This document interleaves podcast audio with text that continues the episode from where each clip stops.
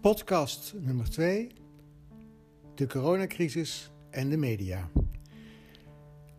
Als ik het over de media heb in deze podcast, zal wellicht snel het verwijt komen dat ik alles en iedereen over één kam scheer. En paradoxaal genoeg, ik ben er juist ook bezig de media te gebruiken. Ik twitter, ik heb een website gebouwd, ik maak nu een podcast allemaal met het doel om koningin Corona van de troon te stoten.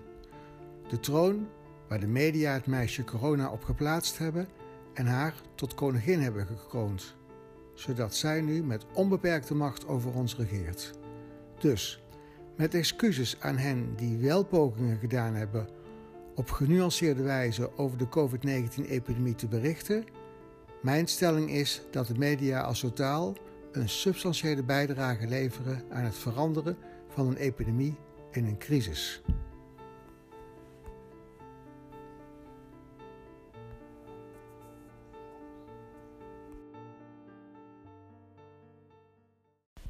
Corona.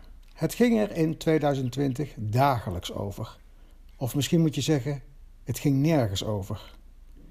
Ik wil hier aan twee voorbeelden etaleren hoe de media hun journalistieke plicht interpreteerden: het opstoken van het vuurtje onder corona. In april 2020 werd de mededeling gedaan in het tijdschrift geschreven voor en door anesthesisten. Er was een toename van het syndroom van Kawasaki. Deze aandoening vinden we vooral bij kleine kinderen en we weten inmiddels dat er een relatie is met virusinfecties. Er werd geopperd dat de toename van patiëntjes met dit syndroom verklaard zou kunnen worden uit de toename van COVID-19-infecties.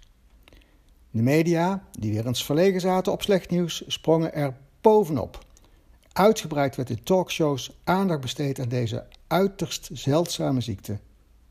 De werkelijkheid is dat COVID-19 juist aan de jongste leeftijdsgroep voorbij gaat en er ook geen overlijdens te betreuren zijn in deze groep dat ouders juist gerustgesteld kunnen worden in hun begrijpelijke bezorgdheid voor hun kinderen. Maar nee, de boodschap was: de meeste slachtoffers van corona, dat zijn de ouderen, maar uw kind kan ook ziek worden. Dit is geen bijdrage aan de maatschappij met journalistieke info. Dit is niet meer of minder dan angst verspreiden. Een ander voorbeeld. Ik hoorde op 5 augustus op een nieuwsbulletin van NPO Radio 1 het volgende. In Nieuw-Zeeland is een verzorgingshuis gesloten in verband met een opleving van corona. Wat was er aan de hand? Nieuw-Zeeland was op dat moment coronavrij. En natuurlijk zou een opleving dan een bijzonderheid zijn. Het nieuwsbericht sluit af met een niet onbelangrijk detail. Het gaat hier om één verdenking. Op het moment dat het in Nederland relatief rustig is aan het coronafront, vinden de media het kennelijk belangrijk om een berichtenmaatschappij in te sturen over het coronavirus in een land wat precies aan de andere kant van de wereldbol ligt. Over een verdenking op een besmetting. Een corona-opleving nog voor het officieel bevestigd is.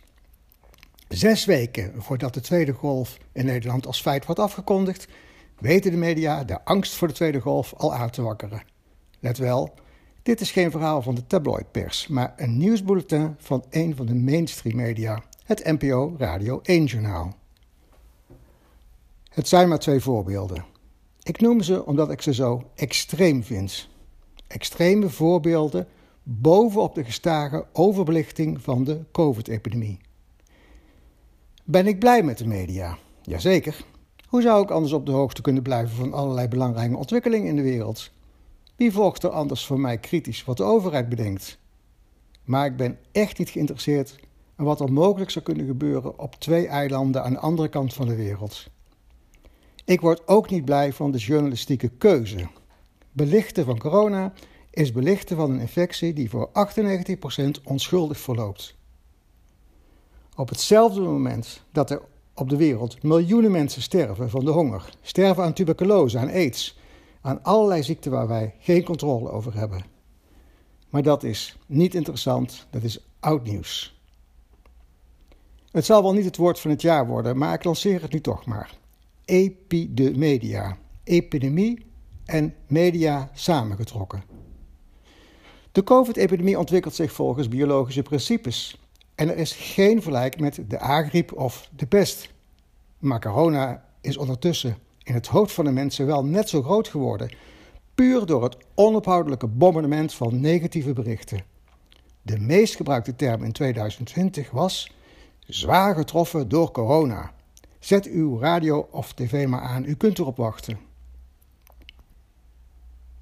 Voor mij is de vraag: waarom moet je met olie gooien als je ook zou kunnen blussen? Waarom maakt de pers deze keuze? Mogelijke verklaringen zijn perverse prikkels als kijkcijfers, de grootte van de oplage van een krant en de daarmee samenhangende financiële gewin. Zwart is de dominerende kleur van de berichtgeving over corona. Alleen slecht nieuws is nieuws. En nu ze het meisje corona op de troon hebben gehesen, zijn de media er verantwoordelijk voor alles. En iedereen zal zuchten onder deze despoot. En dat is nou net ook wel erg merkwaardig. Heel wat mensen zuchten juist niet, maar bloeien op onder dit regime. Ze komen dagelijks in de pers, etaleren hun inzichten niet geremd door enige kennis.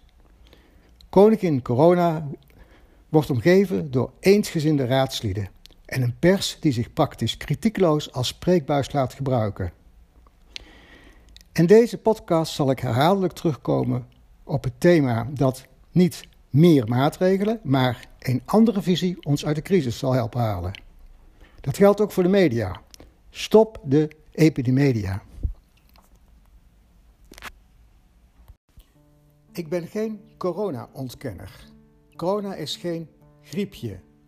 Als je ziek wordt, ben je bepaald niet jarig. Je kunt eraan overlijden. In de volgende podcast vertel ik een persoonlijk verhaal. Hoe ik onder de indruk was van mijn eerste contact met corona. Dit is het einde van de tweede podcast.